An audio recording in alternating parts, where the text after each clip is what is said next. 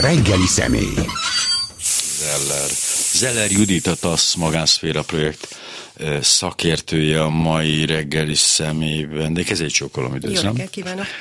Hogy, tehát érdemes lenne ott kezdeni ezt az egész történetet, hogy mitől sztrájk egy sztrájk? Tehát van-e valami definíciója annak, hogy mi minősül még sztrájknak? Ugye most az ellenkezőt látjuk, tehát olyan sztrájk, ami közben dolgozni kell, ami elég izgalmas felfogás ennek, de hogy van valami meghatározás, vagy nincs? Hát ugye ez sokféle meghatározás van. Szerintem a mhm. legegyszerűbb az az, hogy ez egy munkabeszüntetés, ugye nyilván ez egy, bár mhm. igaz, hogy vannak olyan típusú sztrájkok is, amik pont, hogy abból állnak, hogy túlságosan, szabályosan dolgoznak, és ezzel uh-huh, lassítják uh-huh. a munkát, de mondjuk azt, hogy általában munkabeszüntetéssel jár, és hát a célja pedig egyfajta nyomásgyakorlás, leginkább az érdekérvényesítés, szociális, gazdasági érdekek érvényesítése a munkáltatóval szemben. És most ebből a szempontból ugye vannak kifejezetten olyan munkák, ahol a sztrájk hatékony, buszvezetők, vagy nem tudom, a, a, a pilóták sztrájkja, de van olyan, ahol viszont nagyon nehezen megoldható, mondjuk a nyugdíjas sztrájk, az úgy nem egy, nem egy olyan elkezdető. A pedagógusok valahol a kettő között helyezkednek el, és ö, ugye a egy módosítás során sikerült ezt kivitelezni, hogy olyan sztrájkot kellene tartani, ami nem tűnik sztrájknak kívülről, belülről senki számára, hisz dolgozniuk kell. Ez le van fektetve való az Európai Unió szabályozásával, hogy, hogy muszáj sztrájk lehetőséget biztosítani, ami azt jelenti, hogy, vagy ez így hát egyéni ez, szabályozás? Ez leginkább tagállami szabályozás, uh-huh. tehát a, a legtöbb ö, olyan, mondjuk azt, hogy emberi jogi egyezmény vagy megállapodás, ami ö, kimondja, hogy van ilyen, hogy sztrájkjog, mint alapjog, ugye ezt uh-huh. most sokszor halljuk, hogy a sztrájk alapjog, azért ez általában azt mondja, hogy a nemzeti törvények keretei között.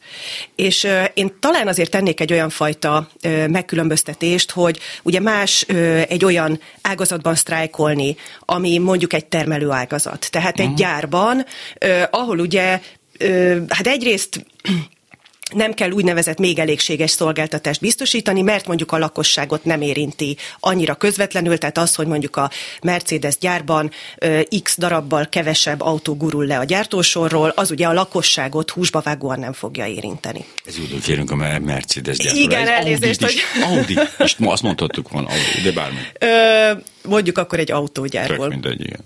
Ö, viszont ugye? Na és ott a, ugye az elsődleges, hát ilyen nyomásgyakorlási eszköz az az, hogy a munkáltatónak van egy egyértelmű gazdasági kára. Uh-huh. Tehát az, hogy kevesebb akármi terméket tud eladni. Vannak viszont ugye azok az ágazatok, és ilyen a felsorolt közlekedés, de akár mhm. az egészségügy, vagy ide tartozik az oktatás is, ahol viszont a lakosság az, aki valójában megszenvedi ezeknek a sztrájkoknak a következményét, hiszen nem jutnak el egyik mhm. helyről a másikra, a tömegközlekedéssel, nem jutnak hozzá oktatáshoz, nem jutnak egészségügyi ellátáshoz, stb. stb.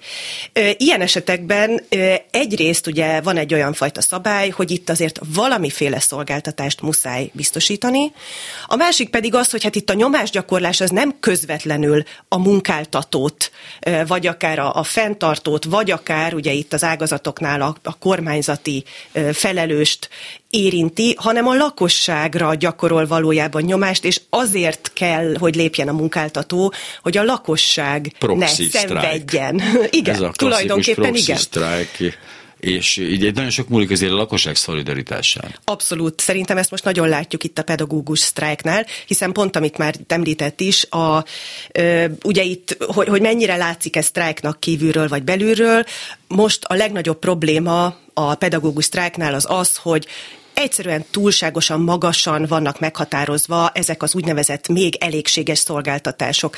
Azért én azt hozzátenném, hogy ezt például más nyelveken, vagy mondjuk abban a szakirodalomban, ami a sztrájkkal foglalkozik, minimális szolgáltatásnak nevezik, uh-huh. és azért ez nem véletlen, hogy így nevezik, tehát yeah. hogy itt azért illik tényleg egy minimumot meghatározni, hogy Jó, azt még teljesíteni kell, de azon fölül már nem. Ez egy kórházban például teljesen érthető. Igen. Tehát nyilván nem lehet azért meghalni, meghalni embereket, mert hogy éppen sztrájkolnak, de hogy hát itt, itt valóban nagyon magasra tették a lécet, mint minimális, vagyis hát mint még elégséges szolgáltatás. Ugye csak visszatérve a kórházra, egy nagyon jó élménye volt, hogy beszéltem hogy arra, aki éppen speciál orvos, hogy, hogy nagyon érdekes volt, mert hogy mikor meghatározták a, a, a, azt, a, azt, amit szolgáltatást muszáj a sztrájkat is biztosítani, ahhoz fel kellett volna venni még két embert, mert hogy alapból ott nem volt ez meg, úgyhogy a sztrájk abban azzal járt volna, egy kicsit bővítenek és többet dolgoznak. Ö, tulajdonképpen ilyesmi van azért a pedagógusoknál is, hiszen ott is a gyerekfelügyeletre például ö, ugye azt írja, hogy, hogy 7 órától 17 óráig kell a gyerekfelügyeletet biztosítani a sztrájk alatt, hogyha jól emlékszem, most bocsánat, mm-hmm. a, a rendelet szövegét nem hoztam be, de nagyságrendileg ez a helyzet.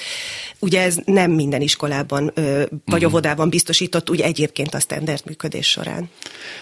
Ilyenkor szokták azt mondani, hogy ha, ha ilyen történik, mint nálunk, hogy ez a, ez a, ez a küszöb, ez nagyon magas a zsiga, tehát akkor majd a szakszervezetek, ugye azok ö, intézkednek, de Magyarországon a szakszervezetek nem is tudom, volt olyan időszak, amikor mikor csúcson voltak, és nagyon erősek voltak, és most nem a 30-as évekre gondolok, hanem hogy, hogy itt azért a szakszervezetek, hát nem mondanám, hogy pörögnek. Hát azt hiszem, hogy igen, a rendszerváltás után újjá kell egyszerűen épülnie uh-huh. a szakszervezeti rendszernek, és azt, azt hiszem, hogy bár ez most már ugye 30 plusz év. Igen, azért na. 30 plusz év, de hogy az, az akkor sem múlt el nyomtalanul, és még mindig azt gondolom, hogy nem járatottak csúcsra. Most azért Nyilván gazdasági helyzet, politikai helyzet az abba az irányba mutat, hogy meg tudnának erősödni a szakszervezetek. Én most például a két pedagógus szakszervezet, vagy legna, két legnagyobb pedagógus szakszervezet, ugye a pedagógusok szakszervezete és a pedagógusok demokratikus szakszervezete, akik most egy közös sztrájkbizottságot uh-huh. alakítottak. Én ezt mindenképpen egy bíztató jelnek tartom, tehát ők össze tudtak fogni annak érdekében, hogy hát az egész ágazatra szóló egyeztetéseket folytassanak. Hát nyilván erre volt a reakció, opció, most bocsánat, ja, hogy még, még ezt hozzáfűzöm, hogy, hogy akkor nagyon gyorsan jogszabályi szinten ezt rövidre zárta az állam. Mi múlik az, hogy egy szakszervezet erős vagy gyenge egy országban. Tehát ugye emlékszünk a hőskorra, ugye Hoffára, és az egy, ez egy szemétszállítók, és stb. és a maffia összefonódása, őrület, ott nagyon erős szakszervezetek, nagyon brutális, és nagyon-nagyon, hát hogy is mondjam, ott azért messze-messze átlépve a törvényesség határát működtek. Az a kor kedvezett a szakszervezeteknek, vagy ez a helyzet kedvezett, vagy miért van az, hogy Kelet-Közép-Európában szinte ugye semmi, ha mondjuk a szolidaritás leszámítva, ami egy elég jól működő szakszervezet volt, Nyugat-Európában meg mintha ugyancsak lezárult volna ez a harc, megjött a jóléti állam, hát mi dolgunk van, itt mondták a szakszervezetek. Hát az az igazság, hogy én nem vagyok szakszervezeti nem, szakértő, csak, hogy de amit, amit én ezt hozzátennék, az, az valószínűleg pont ez a, a nyugat-kelet különbség, tehát itt azért a, a kelet Közép-Európában lett egy olyan hát nem feltétlenül pozitív konnotációja ugye a hmm. szakszervezetnek, mm. ami akár a rendszerváltás előtti hatalommal való, nem tudom, kapcsolattartás, vagy, vagy összefonódás. Tehát nyilván ebből ki kell nőni, ebből a szerepből, és hát ugyanazt valószínűleg meg kell vívni itt is, mint amit egyébként mondjuk a nyugati államokban, ahol hát azért sok helyen nagyon erős szakszervezetekkel találkozunk. És akkor egy ilyen helyzetben a pedagógus ugye azt mondja, hogy hát azt sztrájknak nincs értelme, vagy hát egészen megmosolyogtató lenne az eredménye. Más utakat keres, a polgári engedetlenség adja magát, jó példánk volt rá, egyébként maga a miniszterelnök gyakorolta ezt annak idején, amikor bontott. A polgári engedetlenség az, az, az egy ilyen puhább fogalom, tehát az azért nincs definiálva, ugye egészen, hogy milyen. Hát azért elemeit meg lehet határozni, Igen, tehát hogy azt szoktuk mondani, hogy ez egy tudatos szabályszegés, aminek van valamiféle hát hogy mondjam, egy erkölcsi alapja. Uh-huh. Tehát, hogy van egy olyan erkölcsi meggyőződése az engedetlenkedőnek, hogy az a szabály, amit neki be kéne tartania, az erkölcsileg nem helyes, hogy ő azt nem tudja támogatni. És hogy ezért kifejezetten ez ellen a szabály ellen lép fel. Tehát most itt ugye a pedagógusok esetében mondhatnám azt a párhuzamot, hogy nem azért nem dolgozik, mert hogy nem tudom, elaludt és elfelejtett bemenni órára, vagy azért, mert nem tudom, a kocsmába ment el ahelyett, hogy tanítaná a gyerekeket, hanem itt egyértelműen véleménynyilvánítási, tiltakozási szándékkal, és hát egyfajta magasabb erkölcsi alapokról engedetlenkednek és szegnek szabályokat. És ez nem az, azért lopok, mert a kapitalizmus rossz, hanem igen. Na most itt a, a ugye ezek tudatosan vállalt, a következményekkel tudatosan együtt bevállalt dolgok, bár, és a következmények azért elég furcsák lettek. Tehát még nem látom magam előtt a mestertervet, mármint az állami mestertervet ennek a, ennek a helyzetnek a megoldására. Az elején, és ezt pont a Izraelsz hasonlítottam, ez a terroristákkal nem tárgyalunk. Tehát a, a, úgy éreztem, hogy a Pintér azt mondta, hogy akkor most akkor ő megmutatja, hogy iszonyú kemény csávó, és akkor itt figyelmeztetés, felmondás, puf. Na, ez folytatódott volna a, abban az ütemben, hogy elkezdték, akkor elég érdekes helyzet alakul ki, mert ugye nem lett volna senki, aki Igen. tanítsa a gyerekeket.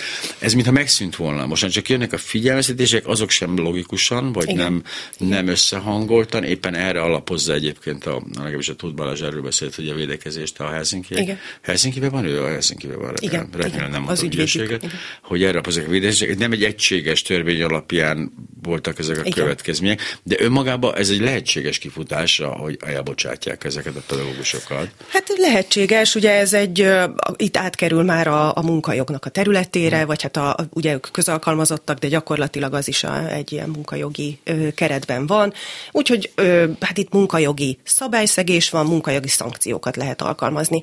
Lehetne egyébként más fajtákat ö, is, tehát hogy, hogy szerepelhetne akár az ő hogyha lenne kollektív szerződés, akkor abban szerepelhetne valamiféle szankció, uh-huh. vagy akár az egyéni szerződésben valamiféle szankció, hogy nem tudom, hogyha nem tart meg egy órát, akkor fizetnie kell 10 forintot a munkáltatónak. A pénzbüntetés, a pedagógusnál halálbüntetés, csak mondom.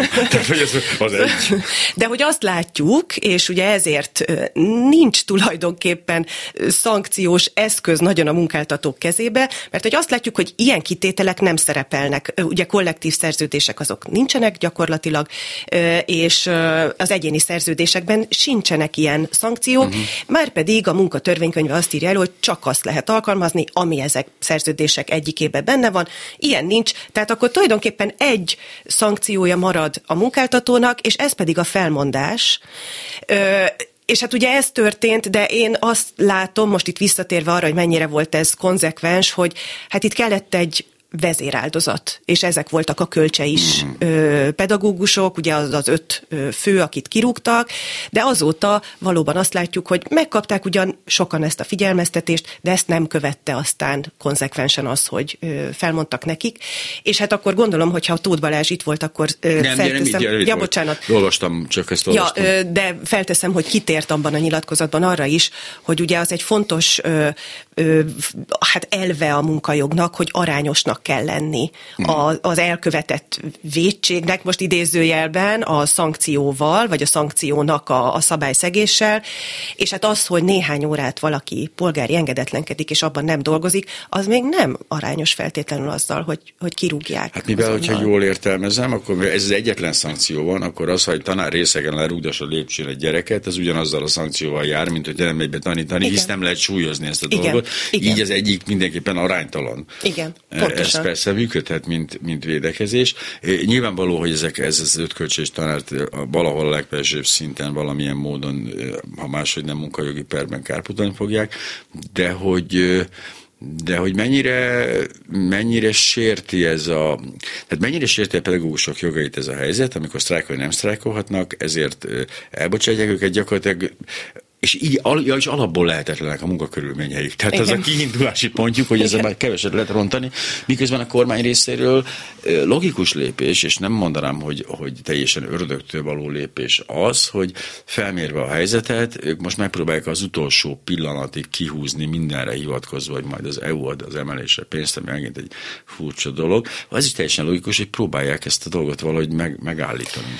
Hát igen, ugye itt az is sok mindent lehetne ezzel kapcsolatban mondani. Először is azt, hogy ugye ezeknél a, a felszólításoknál, illetve a kirúgásoknál arra hivatkozott a, az állam és a munkáltató, hogy sérül a gyerekeknek az oktatáshoz való joga. Uh-huh.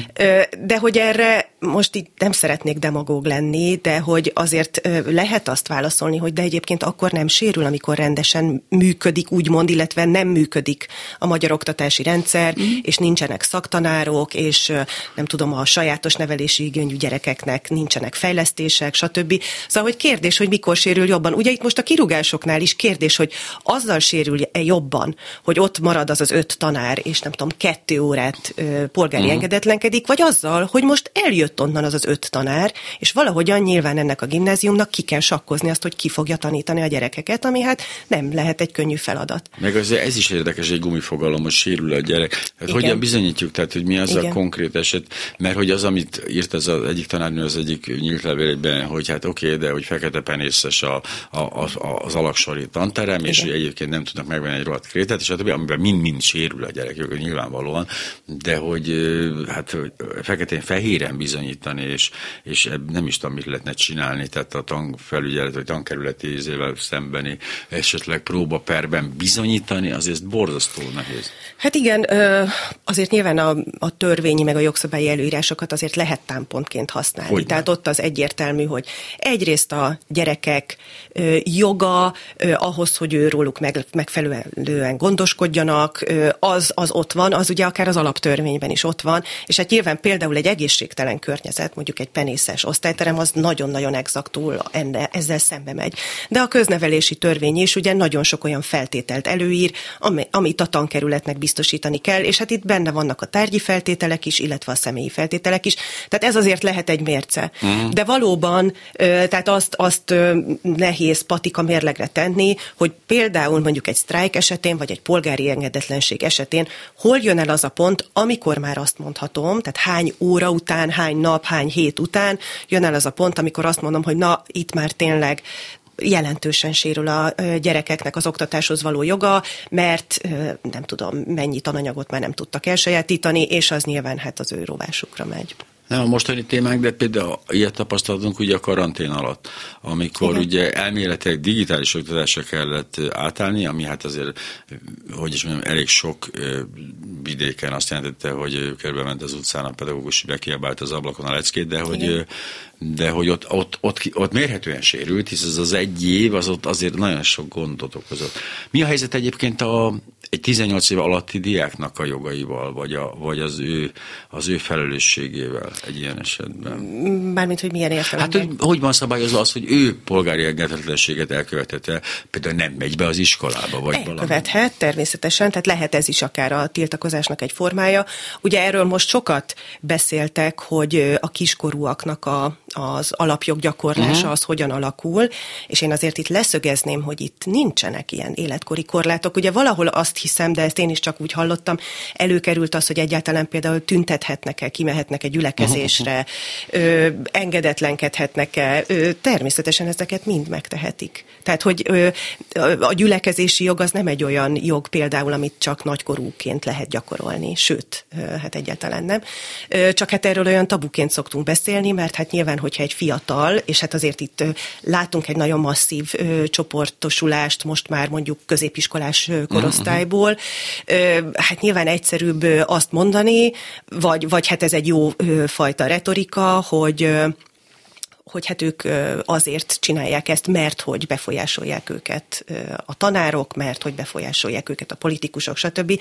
Hát azért azt gondolom, hogy középiskolásként valakinek már lehet egy határozott politikai véleménye önmagától is. Tehát a tanárokat is befolyásolják a, a, azt a, a tanárokat a politikusok, a politikusokat Igen. a külföldi Igen. ellenségeink. Nyilván Igen. itt nem történik, senki sem gondolkozik önállóan, azt megértem, hogy ebből indulnak ki, hát van rá alapjuk, de hogy hisz a szervezetileg így épült fel éppen a pártállam, de hogy de hogy mi, az, a, az a 16 éves, 17 éves srác, lány, fiú, mindegy kimegy tüntetni, azért arra jól felkészül, hogy akkor az abban a pillanatban, hogy ott van egy tüntetés résztvevőjeként, akkor hát ott akkor ő azonos elbírálással alá esik a esetleges intézkedések esetén a többiekkel. Bizony, ez, ez nagyon fontos tudatosítani.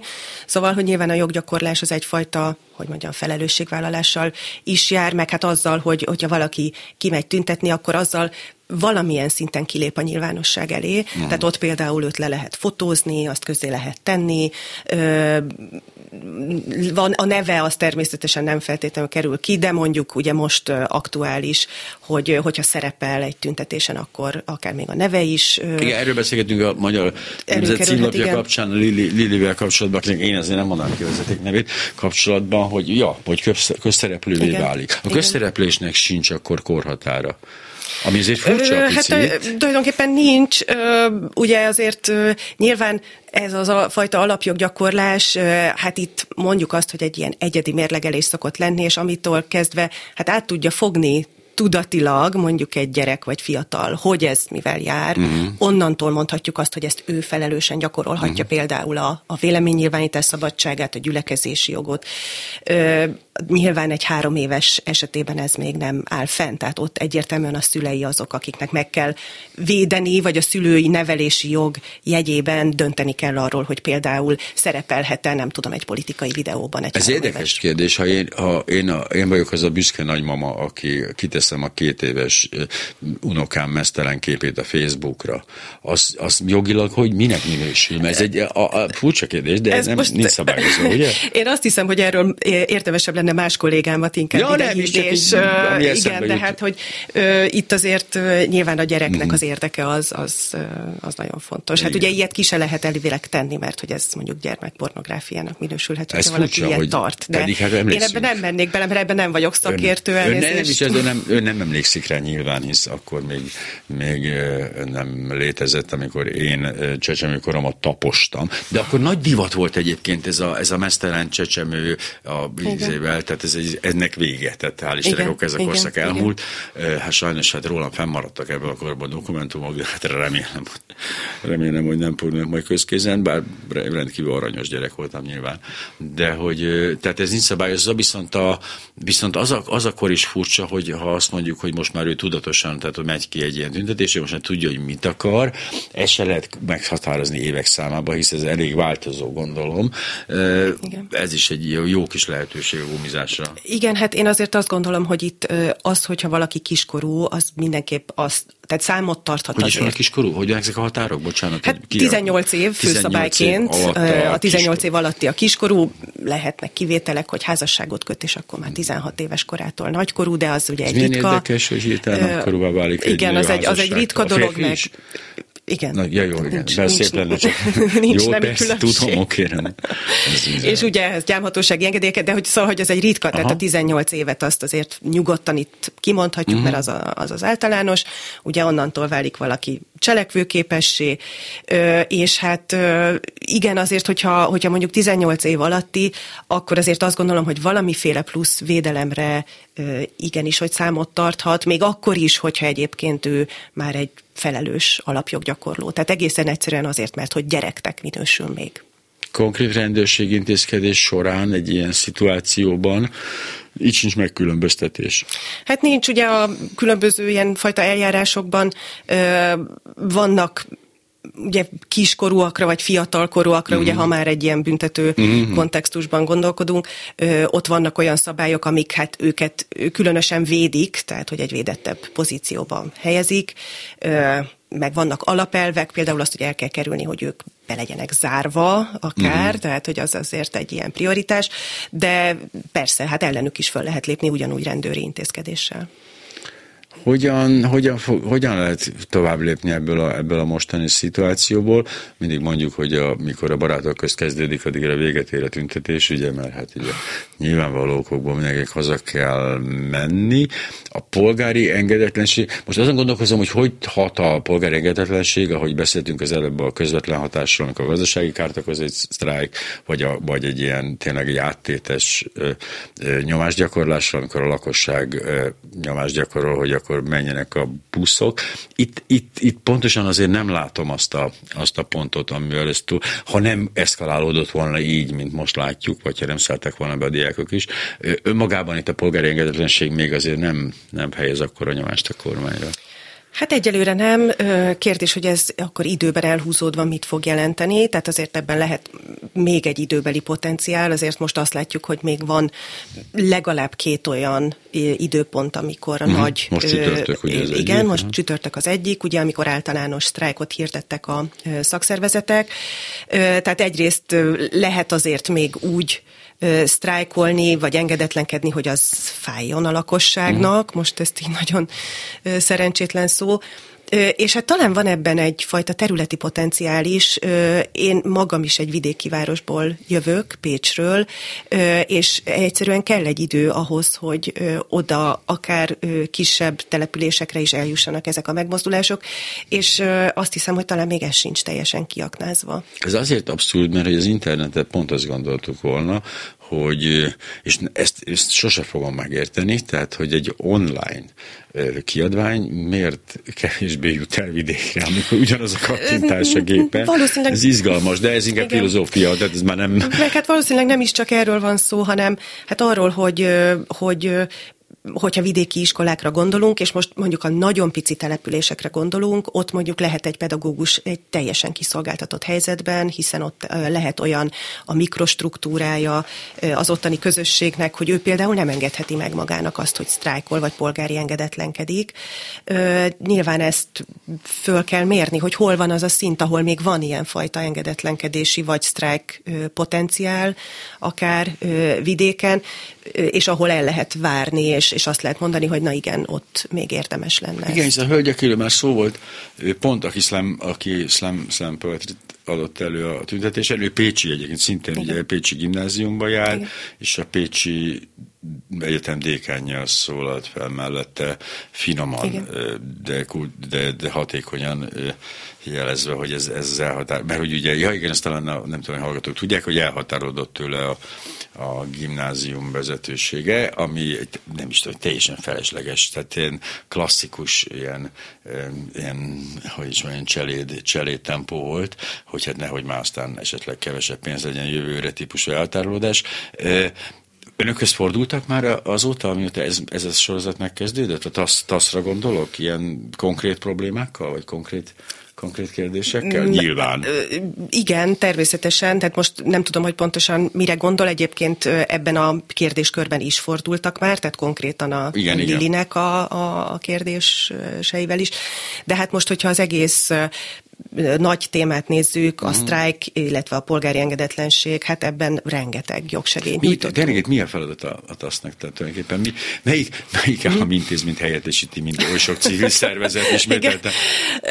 Hát többfélét is. Én talán azt mondanám, hogy az információ átadás a legfontosabb funkciónk, vagy a, a jogtudatosítás, tehát amit mi úgy nevezünk, hogy jogtudatosítás, és amire én próbáltam most már több helyen kitérni, tehát egyszerűen, hogy tudják azt, a pedagógusok is, a szülők is, a diákok is, hogy nekik mire van joguk, meddig terjednek a jogaik, mert hogy egész egyszerűen akkor az a tapasztalat, hogy kevésbé lehet őket például megfélemlíteni. Ugye ezért nagyon sokszor azt láttuk, hogy itt a tankerületek például, vagy akár egyes intézményeknek a vezetői, igazgatók is, hát egy hatalmi pozícióból kommunikálnak, és megfélemlítő mm. módon kommunikálnak. Nyilván, hogyha valaki tisztában van azzal, hogy az egy butaság például jogilag, amit a tankerület vagy az igazgató mond, akkor egész egyszerűen azt mondja, hogy na hát ne hülyéskedj már. Igen, amerikai, amerikai filmekben látjuk ezt a kemény bűnözőt letartóztatják, és oda köpi pontosan, hogy mi, mik a jogai, és mit lehet csinálni, és kész. Igen. Padhelyzet van.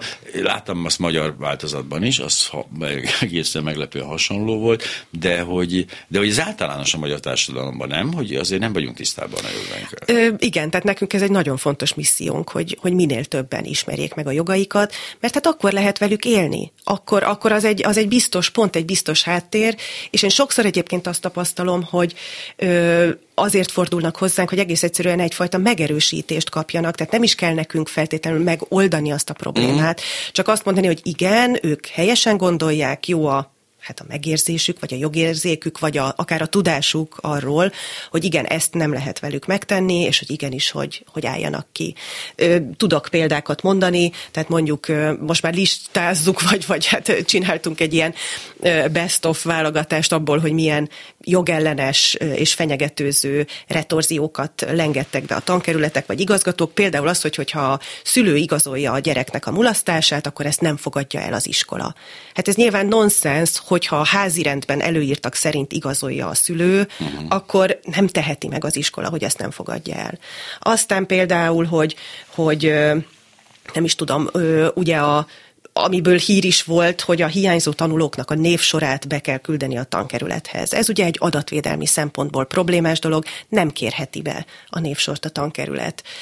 És lehet, hogy egyébként ezekkel nincs is különösebb szándéka mondjuk akár egy tankerületnek, de egyszerűen hát az a fajta kényelmetlenség, az a fajta stressz, amit ezzel okoz, akár a szülőknek, akár a, egy tantestületnek, vagy egy igazgatónak, hát már az elég rossz. Illetve szóval. az, kor, az továbbra sem megnyugtató, amikor azt mondja például az állam, hogy én hozok egy törvényt, ami alapján téged, nem tudom, rád lehet ejteni egy zongorát, de hát nem fogjuk megtenni, hát miért tennénk, ugye miért ejtenénk rád egy zongorát, Igen. de azért legyen ott, ez, és ezért az általános gyakorlat. Igen. Illetve erre visszatérve a jogbiztonságra, oké, én tisztázom, hogy erre joga van-e vagy nem, a TASZ azt mondja nekem, hogy tehát nincs, hát itt van a törvényben leírva, vagy nem, és akkor az elsőfokú bíróság így ítél, a másodfokú úgy, és a harmadik aztán a, az állam számára kedvező ítéletet hozza, akkor most mi van?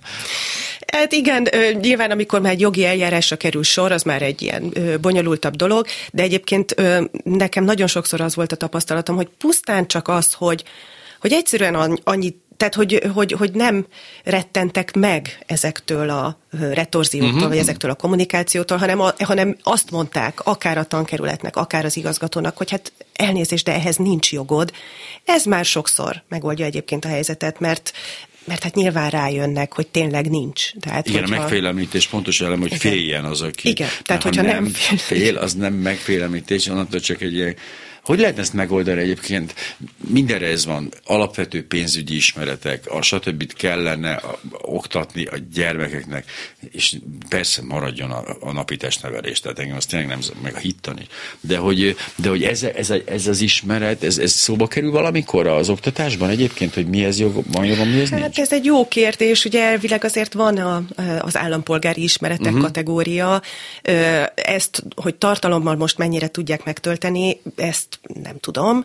De személyeken múlik, gondolom. Valószínűleg, hogy leginkább a személyeken, leginkább a tanáron múlik, de az egy alapvető feladata kéne, hogy legyen a köznevelésnek, hogy aktív állampolgárrá és demokrácia tudatos állampolgárrá neveli a diákokat. Nyilván itt kellene kezdeni ezt. Meg se hallottam. Ez, ez például olyan felforgató, szóval nem, na, de hát nem, mi nem demokrát, ez nem demokrácia, ugye, hanem tudjuk, hogy ez, ez keresztény demokrácia, amit építünk, tehát azért álljunk meg egy szóra, nem, nem biztos, hogy ez a cél. De alapesetben persze, tehát nyilvánvalóan ez lenne logikus.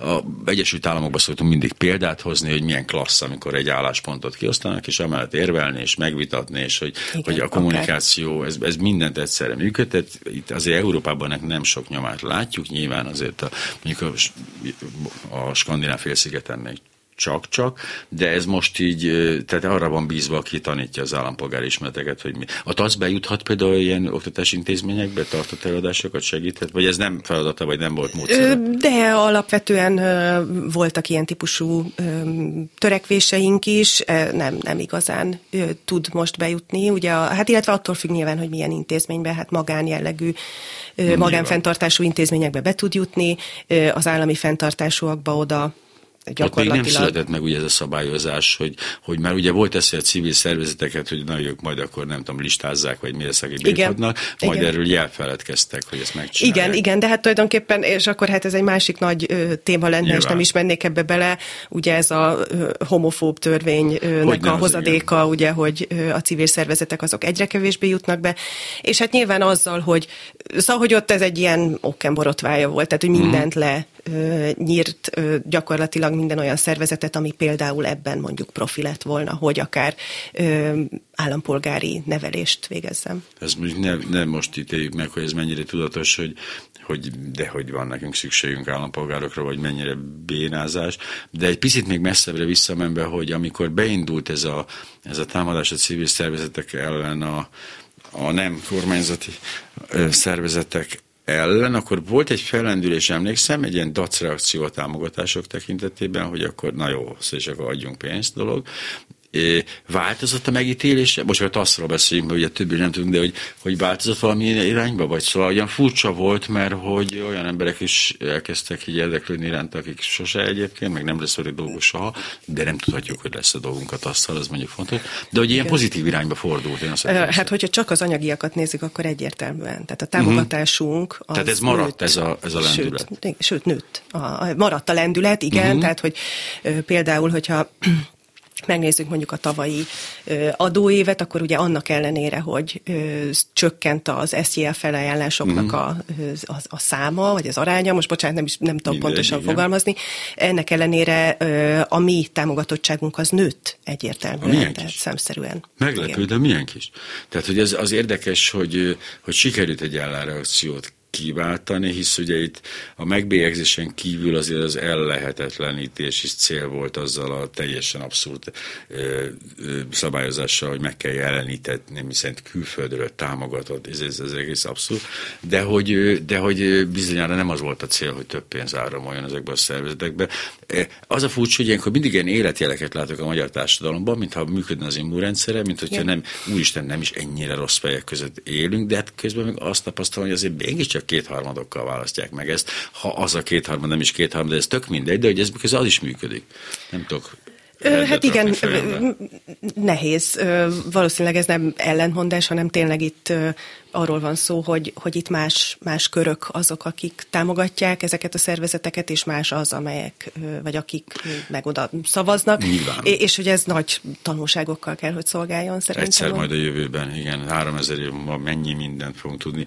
Hogy lesz csütörtökön ugye megint csak egy tüntetés, mi az, ami, mi az, amire figyelni kell ezeknek az embereknek, hogy ott vannak ezek a tüntetésen, tehát mik azok a alaphibák, amiket el lehet követni így a jogilag, most tényleg csak jogilag, nem nem politikailag gondolom. Hát jogilag. Legyen nálunk személyigazolvány. Az, az azért legyen, igen, mert előfordulhat, hogy igazoltatják mm. őket a rendőrök, ugye ennek azért eleget kell tenni.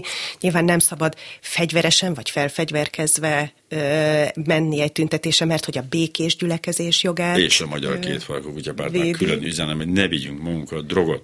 Igen? Akár. Igen. Ö, azt hiszem, hogy alapvetően ez, és hát érdemes a szervezőkre hallgatni, az ő instrukcióikra. Azért az egy elég nagy felelősség szervezők részéről. Az hogy jogilag egy, is felelős a szervező. Ugye, jogilag is, jogilag is felelősség, és hát nyilván ezt érdemes azért segíteni résztvevőként, hogy akár őket ne vonják felelősségre. Nyilván, de hogy, de hogy közben olyan furcsa dolgok vannak, hogy ami, például ez a lelépés a járdáról probléma felmerült egy tüntetés során, a hát dudálás hát, felmerült. Tehát nagyon érdekes, hogy ez alapján mindig úgy tűnik, hogy vagy, vagy tényleg annyira törvénytisztelők a tüntetők, hogy egyszer nem lehet beléjük kötni, vagy pedig, vagy pedig ezek létező problémák, hogy nem szabad lépni a járdáról. Hát én erre azt gondolom, hogy ez a tüntetőknek a froclizása. Persze, egyszerűen. Nyilván, hát egyértelmű. A froclizás oda-vissza megy, csak egy kicsit több hatalomban a, a hatalom kezében, mint a nem hatalom kezében. Hát igen, bár mondjuk például ilyen esetben lehet hozzánk fordulni a jogsegélyszolgálatunkhoz, mert azért ez nem ilyen egyszerű, szóval azért itt azt ne felejtsük el, hogy egy alapjoggyakorlásról van szó, ami azért hát az ilyen hát ennél alacsonyabb szintű szabályokat mondjuk, amik a szabálysértési törvényben, vagy akár rendeletekben vannak előírva, hát azt azért fölülírják, ha nem is teljes egészében, de hát nyilván azért a gyülekezési ez hogy jog... ez a hierarchia, hogy alapjog, az, az hol van? Az a az, az alaptörvényben van. Az, az, az alaptörvényben alkotmánynak van. nevezett. És régebben alkotmánynak nevezett, most alaptörvénynek nevezett. Hát az egész állam uh-huh. szervezet működését és az állam és a társadalom kapcsolatát is szabályozó szabályban van. Néhány népies műdal beiktatásával. Igen, ez igen, az most arra most nem, de térjünk ki és igen, tehát azért, azért ennek van súlya, és azért én azt gondolom, hogy a bíróságok előtt, akár nemzetközi fórumok előtt ezeknek van súlya továbbra is, tehát azért érdemes itt azon elgondolkodni, amikor egy ilyen fajta atrocitás ér valakit, hogy nem tudom, megbüntetik, úgy érzi, hogy igazságtalanul, akkor ezért bizony érdemes föllépni. Mert azért sok esetben van esély arra, hogy ezeket az ügyeket megnyerje az ember, Nyilván hát ehhez általában egy bírósági eljárás kell. De igen, az alapjog, a tünt, a, tehát maga ez a tüntetés, majd a szólásszabadság, az itt való megnyilvánulás van, igen. de hogy ez, ez önmagában azért nem elegendő ahhoz, hogy védettséget adjon. Amikor például valakit egy szóval bármiféle ilyen állami, állami labban e, alapjoga gyakorlásáért számon kérnek, azért az, az megint csak egy határ, hogy, az, hogy a véleménynyilvánítás és a, a, az állítás közötti hát, határ. Igen, én azt gondolom, hogy itt például most megint visszatérve erre az említett ügyre, itt nagyon-nagyon fontos a társadalmi szolidaritás. Tehát egész egyszerűen a jog azért nem tud mindent. Meg tudja védeni, meg tud védeni valakit jogi szempontból, meg jogi utakon, meg a bíróság előtt, de de hogy mondjam, a rossz érzéseit, azt, meg, meg az ő megtámadottság érzését, azt nyilván azt tudja enyhíteni, hogyha azok a közösségek, akik itt különféle szerepeket betöltenek, azok kiállnak mellette. De ez azt hiszem most ebben az esetben elég szépen meg is történt. Pont ez volt, és nem most, az egy régebbi, régebben merült föl bennem az, hogy amikor, amikor azt mondjuk, hogy tehát a, a, a TV2 operatőre be, be, behajol az ablakomon, és így fölveszi, hogy reggelizem, az azt mondom, hogy is, akkor, is hazudik valamit mellé, akkor én indítok egy sajtópert, megtűnik. De ha olyan esetben, mint nálunk, hogy, hogy a teljes kormányzati média, ami persze nem kormányzati média hivatalosan, összehangolt támadást indít valaki ellen, az nem kerül át más kategóriába, az egyesével kell a sajtópereket lefolytatni, holott azt szerintem egy más minőségű jogsértés. Igen, hát most ez megint csak egy másik nagy téma lenne, hogy egyáltalán ez a, e, ez a fajta ilyen sajtómonolit, uh-huh. ami a kormányzati oldalon van, ez megragadható-e így egészében, mert valóban, tehát itt egyesével kell megindítani uh-huh. ezeket a pereket, és ezekben az eljárásokban nem igazán lehet azt érvényesíteni, hogy ez egy rendszer szintű jelenség. Igen, mert a hát bűnszövetkezet az így létező fogalom, hogyha én, ha nem egyedül, tehát fosztogatom, hogy tudom, miket közérteket, hanem, hanem egy szervezet de az egész más igen, de itt nem, kerül. Igen, itt nem, itt nem van Tehát a bűnszövetkezetben elkövetett félretájékoztatás még nem része a magyar, magyarok számára. Hát, hmm, pedig lenne rá igény. Mi legyen még, ami, ami ezzel a tüntetéssel kapcsolatban eh, elhangz? Egyáltalán a jogsegélyszolgálata, hogy működik a TASZ-nak? Az egy klasszikkal jó napot kívánok! Ö, van telefonos jogsegélyszolgálatunk, ezt ö, nem tudom, akár hogyha ez a videó vagy, vagy a hangfelvétel fölkerül a honlapra, akkor, akkor oda lehet tenni, mm. hogyha valakit értek el, akkor fel tudja Nem, hogy az, mindig az, az, az, az konkrétan mire specializálódott, ugye, ezt az legelején kellett volna tisztáznunk, de uh-huh. ugye van a Helsinki, van a TASZ, uh-huh. és mindenki egy kicsit más felé fókuszál. Hát itt ö, nekünk ugye elég sok ö, fontos témánk van, de ami mondjuk itt kulcskérdés, az egyrészt van a az oktatás, illetve az oktatás helyzete és az oktatásban a diákok jogai, illetve hát most már ugye azért a pedagógusok jogai is egyre inkább fókuszba kerülnek, és hát a másik pedig egyértelműen ezek a politikai jogok, ami a gyülekezési jog és a szólásszabadság, ezek mind a TASZ fókuszába tartoznak, tehát ezekben a témákban egyértelműen lehet minket keresni talán azt mondanám, és azt könnyű megjegyezni, hogy a jogsegély szolgálatunk e-mailes elérhetősége az a jogsegélykukac.tasz.hu. Hmm. Erre lehet írni e-mailt, és ezekben az ügyekben a lehető leggyorsabban próbálunk reagálni, mert ezek tipikusan ilyen gyors reagálású kérdések szoktak lenni, akár sztrájkról, akár polgári engedetlenségről, akár tüntetésről legyen szó, illetve hát a tüntetések ideje alatt most minden egyes alkalommal és a továbbiakban is lesz egy úgynevezett forró drótunk, vagy van egy forró drótunk, amit lehet hívni, akár a rendőri intézkedések kapcsán, akár hogyha bármi más a tüntetéssel, élő lánccal kapcsolatos kérdés merül Mikor fel. is kezdett működni a TASZ? A, a, a rendszerváltást követően Igen. a gyakorlatilag rögtön. 95-ben. Nem rögtön, akkor ott eltelt öt év. Hogy, az hogy jött? Tehát hogy jött ez az ötlet? Az, az izgalmas volt, mert egyszer, én emlékszem az elejére a, a TASZ-nak és a TASZ működésének elejére, még furcsa is volt számomra, hogy pont az első négy évben, ugye, ami, ami néhány szempontból problémásabb volt, mint a második négy év nem volt, de hogy az, a, ki hívta létre ezt, vagy életre ezt az egészet itt? Mert hogy ugye, ez ne, ha jól tudom, a TASZ nem egy nemzetközi hálózatnak Ö, a része. Nem, nem, nem egy nemzetközi hálózatnak a része, bár ugye van a, a ugye az amerikai Civil Liberties Union, tehát ami oh, a, egy nagyon hasonló szervezet, és hát tulajdonképpen annak a, az inspirációja ja, ja, ja, az, ami hatott. Hát nem tudom, hogy most ez milyen Na, nem csak így eszembe jutott. Nem, az jutott eszembe igazából, hogy emlékszem, hogy mik voltak a kiemelkedő ügyei a TASZ-nak annak Ö, Nagyon sokáig például az egészségügy, de az továbbra uh-huh. is egy fontos témánk, vagy az egészségügyi önrendelkezés, a betegjogok, az egy fontos téma volt, aztán hát foglalkozunk a drogpolitikával, drogügyekkel, és hát aztán ami később került a fókuszba, de most az a mondjuk azt, hogy a mm, harmadik ilyen nagy terület az az egyenlőségi jogok, és ott pedig különösen a fogyatékossággal élők, illetve a romáknak a jogai. Ez igen, a betegjogokkal kapcsolatban volt, igen, az, az, egy, az egy még kiszolgáltatott a furcsa helyzet, amikor, mert ugye az is érdekes, amikor valaki a munkáltatóval szemben akarja mert aztán holnap is találkozom vele, de amikor, a, amikor az orvosommal szemben akarom a jogaimat gyakorolni, hát, hát az, az úgy, azzal nagyon óvatosan bánnál. Hát igen, és ember. ugye ott is azért hasonlóak a tapasztalatok, mint az oktatásban, hogy hát nem mondanám, hogy prosperál az oh, a rendszer. De gyönyörű. Azt hiszem, hogy, hogy ez a, a nap eufemizmusa lesz, ezt fel is jegyzem magamnak. És az is furcsa egyébként, hogy hisz ugye a, ugyanide tartozik az, hogy egy, egy tanulónak a, a tanárral szembeni követelése, és most viszont egy oldalra kerültek furcsa módon a, a pedagógusok és a tanítványok, hát ez ami azért egy örömteli helyzet. Igen, és ez, de, de szerintem ez nem furcsa, vagy hogy mondjam, ennek kéne az alapbeállításnak lennie. Hát mindenkinek az az érteke, hogy minél jobb legyen az oktatás. Tehát tényleg szó szerint, szóval, hogy ez azért elhangzik itt a tüntetéseken, és, és úgy tűnik, hogy ez egy lózunk, hogy az oktatás ügye az mindenkinek az ügye, de hogy ez egészen konkrétan így van. Ha mindenkinek ezen az érdeke, akkor nem lenne ez a helyzet. Hát igen. ez jó. Ez, ez Apró kivételéke mindenkinek ez az érdekes. Zeller Judit a TASZ magánszféra projektjének szakértője volt, és hát ismételjük meg még egyszer az e-mail címet, mert az megjegyezhető, hogyha kérdés Igen, kérdés. ékezetek nélkül jogsegélykukactasz.hu jogsegélykukactasz.hu, de ki lehet keresni nyilván a telefonszámot is. Hát én ezzel akkor mostan fölvenném holnapig a, a néhai nevet, aztán jövök vissza, csók. Ez volt a reggeli gyors, Simon Erika, Lantai Miklós, Král Kevin és a szerkesztő Herskovics Eszter nevében is búcsúzik önöktől a műsorvezető Parakovács Imre. A viszonthallásra.